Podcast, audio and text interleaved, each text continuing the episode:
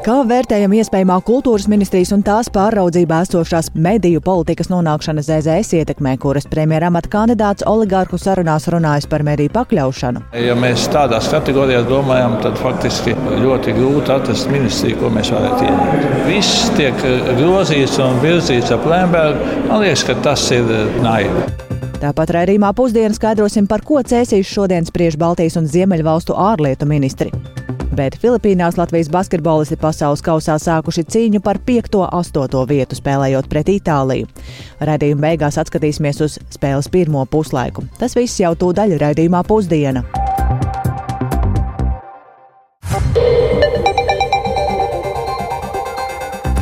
Piecas minūtes pāri 12. un šajā laikā kā allažu skanējumu sāk ziņu raidījums pusdiena ar plašāku šīs dienas 7. septembra notikumu izklāstu. Studijā Dāce Pēkšēna, esiet sveicināti! Basketbola svētki turpinās, un kā jau dzirdējām ziņās, tad tieši šis ir tas brīdis, kad mūsu īkšķina atbalsts ir ļoti svarīgs Latvijas vīriešu basketbola izlasē Manilā. Mūsu basketbolisti pasaules kausa pusfinālā cīnās par 5. līdz 8. vietu un tiekas ar Itāliju. Šobrīd gan esam iedzinējos, um, tūlīt daļa, tūlīt daļa tikko ir sācies. O, Sākusies otrā ceturdaļa, rezultāts pat labam 26, 15 Itālijas labā, un vairāk par šo spēli parunāsim raidījuma izskaņā ar kolēģi Mārtiņu Kļavinieku. Tajā brīdī iespējams varētu būt noslēdzies pirmais puslaiks, un Mārtiņš jau varēs pavērtēt, kā mums sokas šajā spēlē. Bet tagad gan ķeramies pie veselības nozares. Valdības šonadēļ tai piešķirtie papildu 41,3 miljonu eiro slimnīcu stāvokli neko daudz neuzlabos. Tā šorīt kolēģim Laurim Zvejniekam raidījumā labrīt sacīja Latvijas slimnīcu biedrības valdes priekšsēdētājs Jevgeņijs Kalējs, norādot, ka slimnīcas no šīs naudas varētu saņemt 15 miljonus, bet bankrota riskus tas nenovērsīs un paklausīsimies, kāpēc tā. Mēs nedomājam, ka ar parādu 80 miljoni, ko nav samaksājuši par pagājušo gadu, tie 15 miljoni var daudz ko aizlāpīt. Bet nu, tāds neliels atbalsts, ja viņš tiks sadalīts, kā mēs vienojamies ar Nacionālo veselības dienestu, tieši šo smago un nopietno pacientu ārstēšanai, tas būs vismaz nodrošinājums šiem pacientiem, ka viņi var saņemt aprūpi. Kā jūs rīkosieties tālāk? Nu, visticamāk, analizēsim, kāds ir pacientu apjoms līdz gada beigām, un tālāk domāsim, ko darīt. Jo pat maksas pakalpojumu nodrošināšana ir apgrūtināta, tāpēc, ka mums nav personāla, jo pat tiem algas apmēriem, kādi patreizējā brīdī ir medicīnas māsām un pamatārstiem. Mēs nevaram atrast darbiniekus. Viņi negrib strādāt par šādu summu, teiksim, māsas par 700, 800 eiro. Mēs tāpēc arī pakalpojumu rindu garinam jau uz nākošo gadu pat maksas pakalpojumus. Tā tad uh, pakalpojumu sniegšana būtībā ir apdraudēta. Viņi jau ir apdraudēti. Jā, protams, viņi jau tagad es ir. Es domāju, pat neskatoties uz piešķirto naudu. Jā, piešķirtā nauda šī aspektā neko nerisina. Un, ja viņa būs piešķirta tā, kā mēs vienojamies ar NVD, kas būs tarifu palielinājums intensīvai terapijai, tas vismaz būs neliels atspējs tiem pacientiem, kuriem ir nepieciešama šī neatliekamā palīdzība un intensīvā terapija. Tad sekos gultas vietu skaita samazināšana nu, varbūt gultas vietas kā pašas par sevi nav svarīgas. Mums ir svarīgs pacients. Protams, slimnīcas nu, pirmām kārtām nodrošina vai mēģinās nodrošināt neatliekamo palīdzību. Līdz ar to visa pārējā pakalpojumu sniegšana un pārējo plānveidu pacientu ārstēšana būs apgrūtināta. Viņa jau ir apgrūtināta. Nu, tie, kas nokļūs reanimācijā, tie vismaz izdzīvos? Nu, es ceru, ja, jo teiksim, nu, mūsu reanimācijas līmenis Latvijā ir ļoti augsts. Mums ir sadalīts viņš arī par slimnīcu līmeņiem. Visdārgākais, protams, līmenis ir universitātes slimnīcās, bet uh, tomēr, ja tas tarifs un izmaksas tiks sektas daudz maz pietuvinātas tām reālajām pacientu ārstēšanas izmaksām, izmaksām, tad, protams, nu, tas ir liels atspējs tiem pacientiem, kas tieši nonāks reanimācijā. Tā Latvijas slimnīcu biedrības valdes priekšsādātājs Jevgeņijs Kalējs. Savukārt saimnes deputāts no progresīvajiem Edmunds Cepurītis, kas piedalās jaunās valdības veidošanas sarunās, redzījumā labrīt Laurim Zvejniekam skaidroja, ka jau pagājušā gada beigās esot bijis skaidrs, ka veselības nozarei šogad nepieciešami papildu vismaz 130 miljonu eiro un runa ir nevis par jauniem tēriņiem, bet vien līdzinējo pakalpojumu saglabāšanu. Tomēr veselības nozara noteikti esot glābjama un jaunajai valdībai vispirms būtu jāsakārto lielās prioritātes, kas ir droši drošība, aizsardzība un veselības nozara. Un tad par pēdējo arī paklausamies cepurīti. Mēs esam gatavi iestāties par to, lai mēs pārietu uz rezultātos un vērtībās balstītu veselības aprūpi. Pilnīgi apzinos, tā ir sarežģīta reforma. Tas prasa daudz izpratnes maiņas, bet nu, mēs skatāmies tepat Igaunijā, daudz kas no tā notiek. Kas principā mainītos, tiktu daudz vairāk ievākti dati, kādi ir ārstēšanas rezultāti, tur, kur ir kādas lielākās mirstības, šie dati tiktu apkopoti. Un visiem iesaistītajiem ar laiku, tas prasīs daudz laika, bet nu, tiktu nodots, ka samaksa būs par ārstēšanas labu rezultātu. Nu, šī ir viena no tām, kā es saku, pārvaldības izmaiņām, kas notiek šobrīd visur apkārt pasaulē.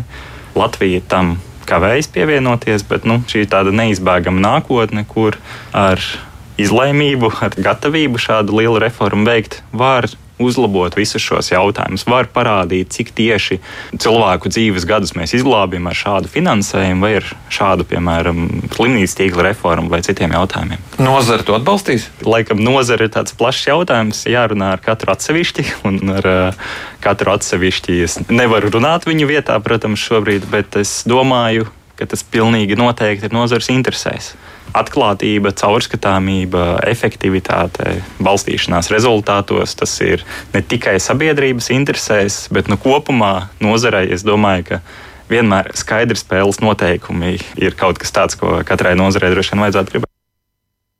Tā saimnes deputāts Edmunds Cepurīts, un viņš arī apliecināja to, ja jaunajā valdībā partijai tikšot atbildība par veselības nozari, tad progresīvo kandidātu šīm amatam esot Edgars Lapsvīrs.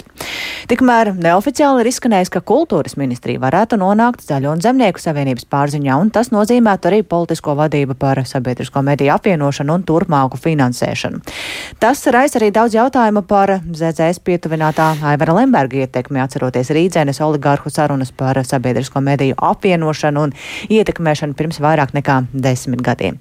Kā to vērtē politiķi, žurnālistu organizācija, to vairāk ir interesējies kolēģis Jānis Kīncis. Viņš šobrīd līdzās man studijās. Sveiks, Jāni! Sveika, Dārts, sveicināti radio klausītāji.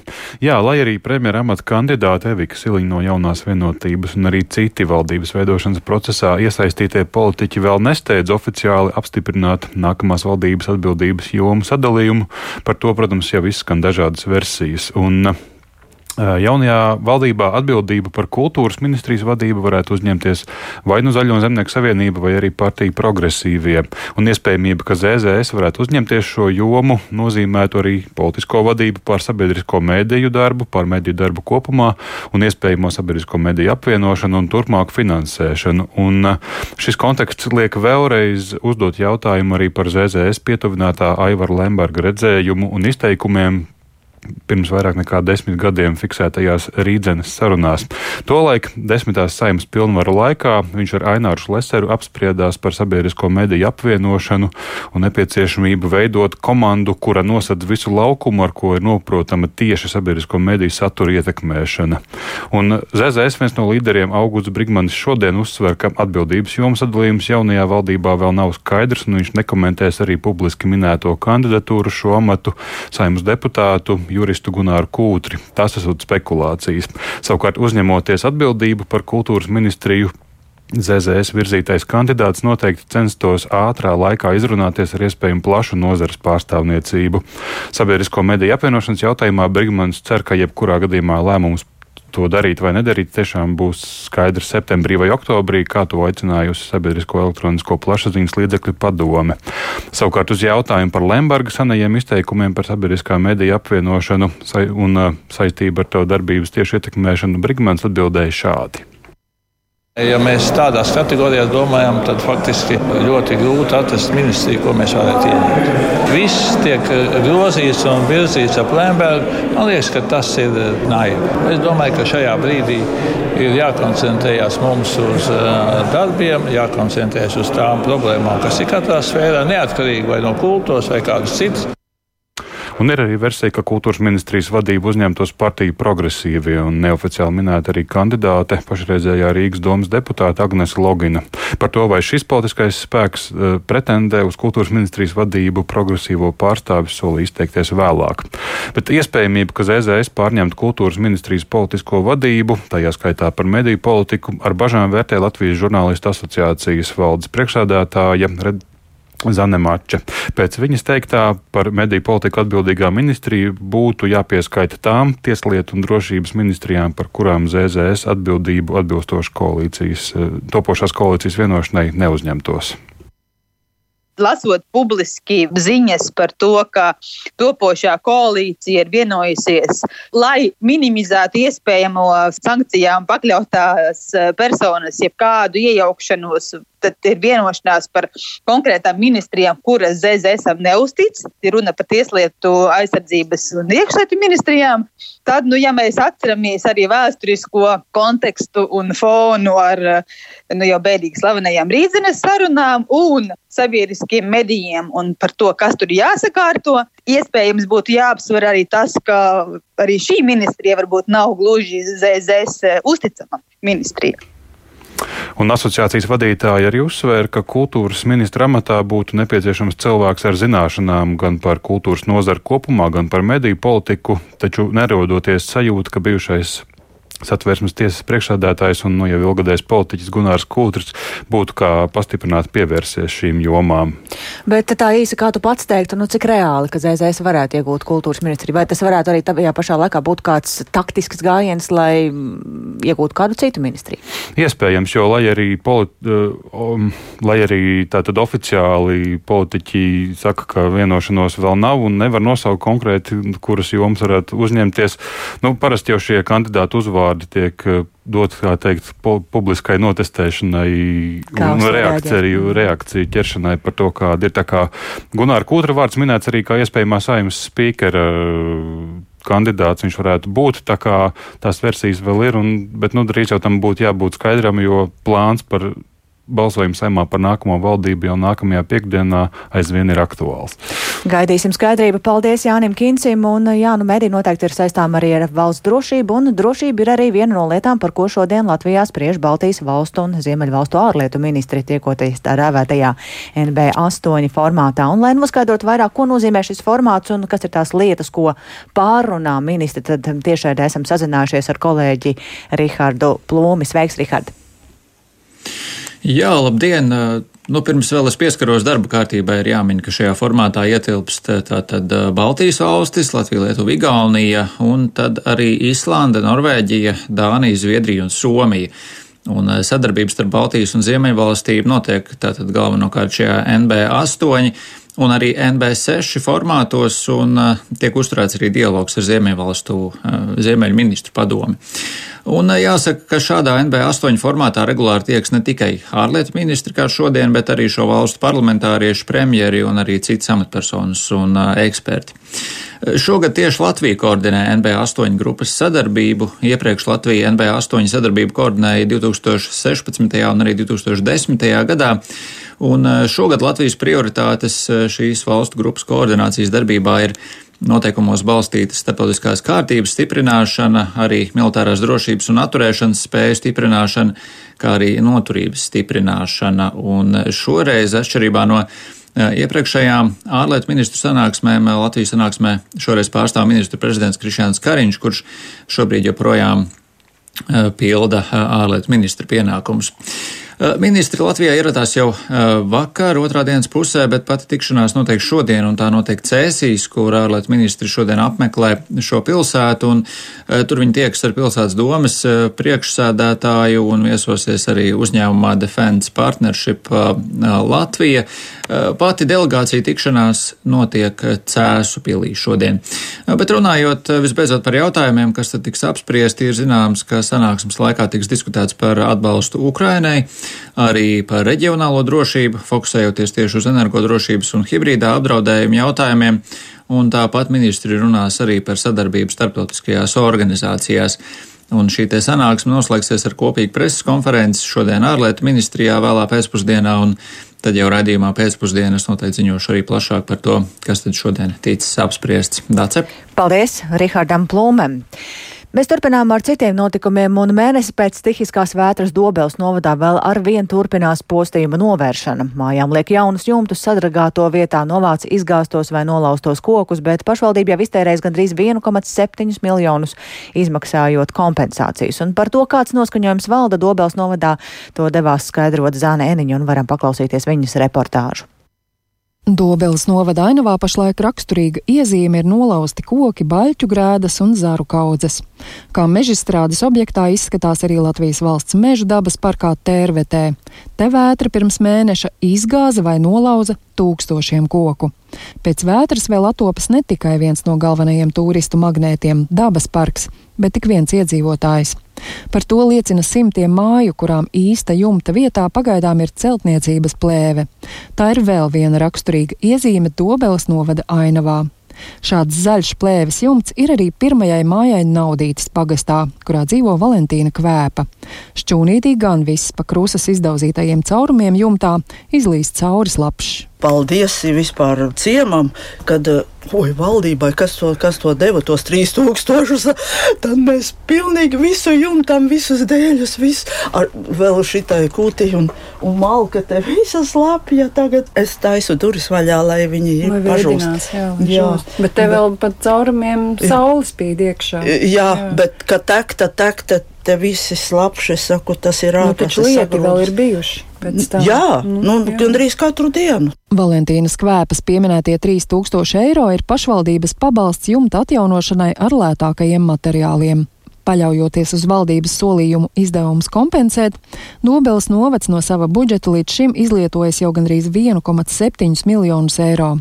Palīdzība plānota divās kārtās. Vispirms 3000 piešķirti dzīvojamo māju jumtu atjaunošanai, šī vajadzība izteikta tūkstoši iesniegumos un apmierināta vairāk nekā 660 gadījumos. Otrajā kārtā citām neatliekamām vajadzībām paredzēts piešķirt vēl pa 2500 eiro. Nodrošināt arī vecā asbesta šīfera pieņemšana taču vietējie uztraucas, ka tai noteikts termiņš līdz oktobrim. Kaut gan jau tagad skaidrs, ka visu krusas bojāto veco un kaitīgo jumta segumu līdz šim laikam nevarēs pagūt savākt. Tas nozīmē, ka meža traumas un vēl citas lietas būs pilnas. Kas to vāks? Pašvaldība. Jā, jā, jā. Tas ir vajadzīgs. Es domāju, ka jums noteikti arī lūgums ir tiešām prasīt tieši tiem, kas ar šo lietu konkrēti saistīti, lai viņi domā par to. Tieši tā, mēs arī, jā.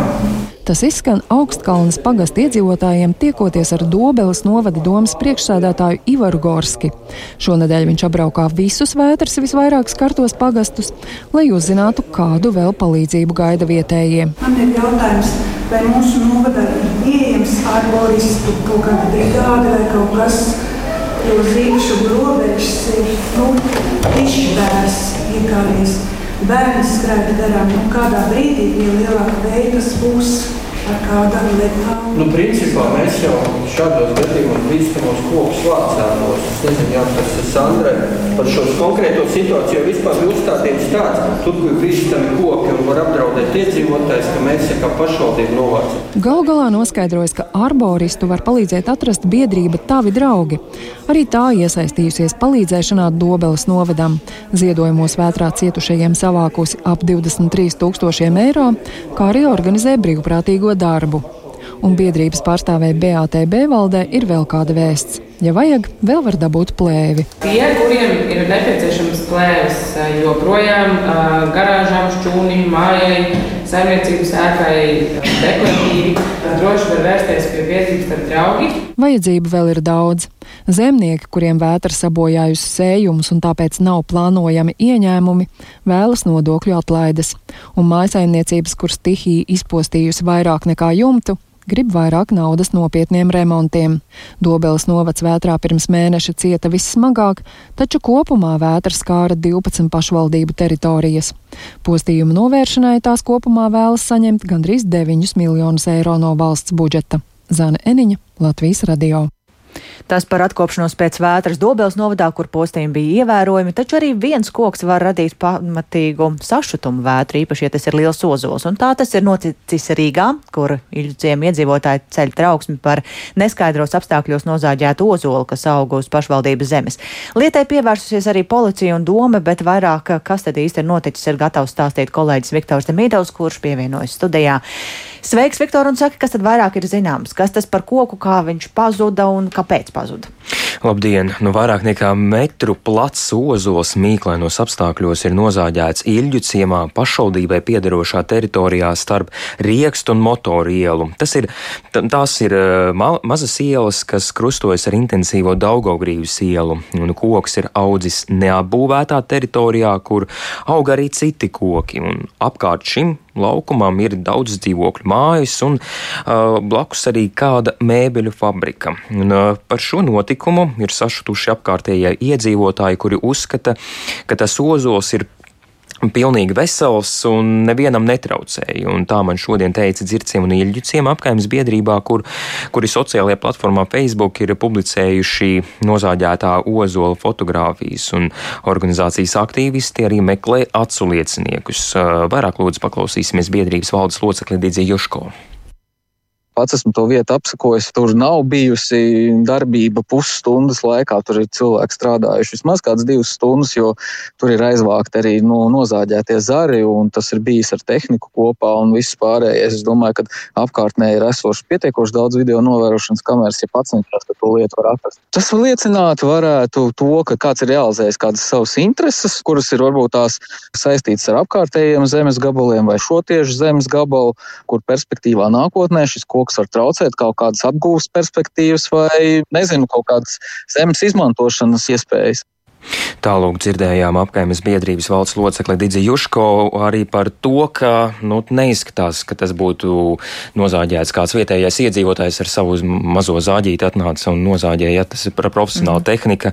Un eh, Juško arī saka, ka nekādu runu par iespējamo zāģēšanu līdz šim nebija. Mm, vērsos arī pie Rīgas domes, bet pašvaldība plašāk pagaidām nekomentē, sakot, ka nu, notikušo izmeklē. Savukārt pašvaldības policijā teica, ka darbu tālāk ir nodevuši valsts policijai eh, un, un arī pateica, ka nu, ir tāds krimināla likuma 109. pāns par patvaļīgu koka ciršanu un bojāšanu, un e, par to sots, e, nu, sots ir ar brīvības atņemšanu uz laiku līdz pat diviem gadiem vai ar īslaicīgu brīvības atņemšanu. Tātad, ja tas ir nozāģēts patvaļīgi nu, citā svešā teritorijā. Uh, jā, es arī pajautāju valsts policijai, kā tur, ko, ko saka likumsargi, un pagaidām saka, ka krimināla process vēl nav ierosināts, bet plašāka informācija tad no viņiem viņiem sekos. Tas ir pagaidām arī viss.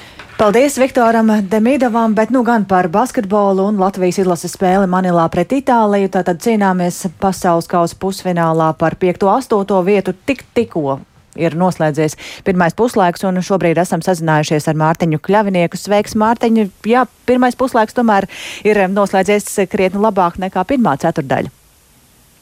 Jā, sveiki, Dārts, un sveicināti klausītāji. Jā, rezultāts 46 pret 42 Latvijas izlases labā, bet nu sākums nemaz neizskatījās tik cerīgs un spīdošs. Jā, pirmajā ceturdaļā Itāļi bija pārāki, nu jāsaka tā, viena ar 26 pret 18, tātad 8 punktu pārsvars, bet eh, bija arī 13 punktu pārsvars viņiem vienu brīdi, un eh, principā viss jau sākās ar Itāļu precīziem metieniem, brīviem precīziem metieniem, tātad Latvijas izlases aizsardzība nestrādāja kā nākas, un 5-0 eh, bija Itāļiem sākumā bija 20 pret 10 arī, un minētais arī jau 13 punktu pārsvars, bet otro ceturdaļu latviešu uzvarēja ar plus 12, 28, 16, un tagad ir ar 4 punktu pārsvaru vadībā, dodas puslaikā tieši šobrīd aizgājuši ģērbtuvēm atpūšas.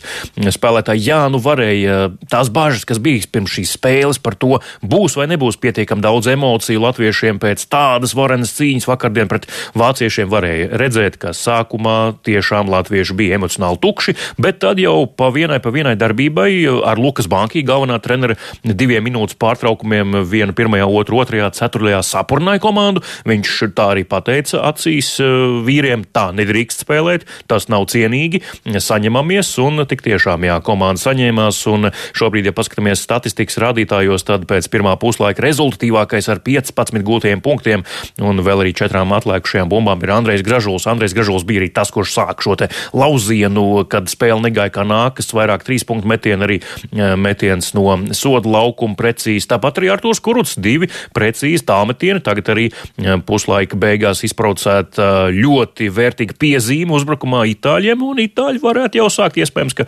nervozēties. Nu, ja mēs paskatāmies statistikā, kas ir tā problemātiskā mm, vieta vai segments joprojām, tad, jā, nu, punkti pēc kļūdām latviešiem tāda ir tikai 4 pēc itāļu kļūdām, 13 guvuši itāļi pēc latviešu kļūdām. Un, protams, savs gross, jā, tur arī itāļi pietiekam daudz saimnieko pie latviešu groza, esot uzbrukumā latviešu, kad ir aizsardzībā. Līdz ar to gaidām otro puslaiku, cerams uz uzvaru pār Itāliju, un tad jau mačs par piekto vietu, ja būs tā uzvara. Jā, paldies. Cerēsim, ka tas tā tiešām būs. Divas ceturdaļas vēl ir priekšā Latvijas izlasēji. Tātad uzvaras gadījumā turpinām spēlēt par piekto vietu, zaudējuma gadījumā septīto vietu. Paldies Mārtiņam Kļaviniekam par spēli vairāk raidījumā pēcpusdiena. Bet šobrīd izskan raidījums pusdiena, ko producēja Kārlis Dagilis, ierakstus montēja Renāša Teimanis, par labskaņu rūpējās Jāna Dreimane un ar jums sarunājās Dāce Pēkšēna. Atgādināšu, ka raidījums pusdiena ir klausāms arī sevērtā laikā Latvijas radio mobilajā lietotnē meklējot dienas ziņas. Yeah.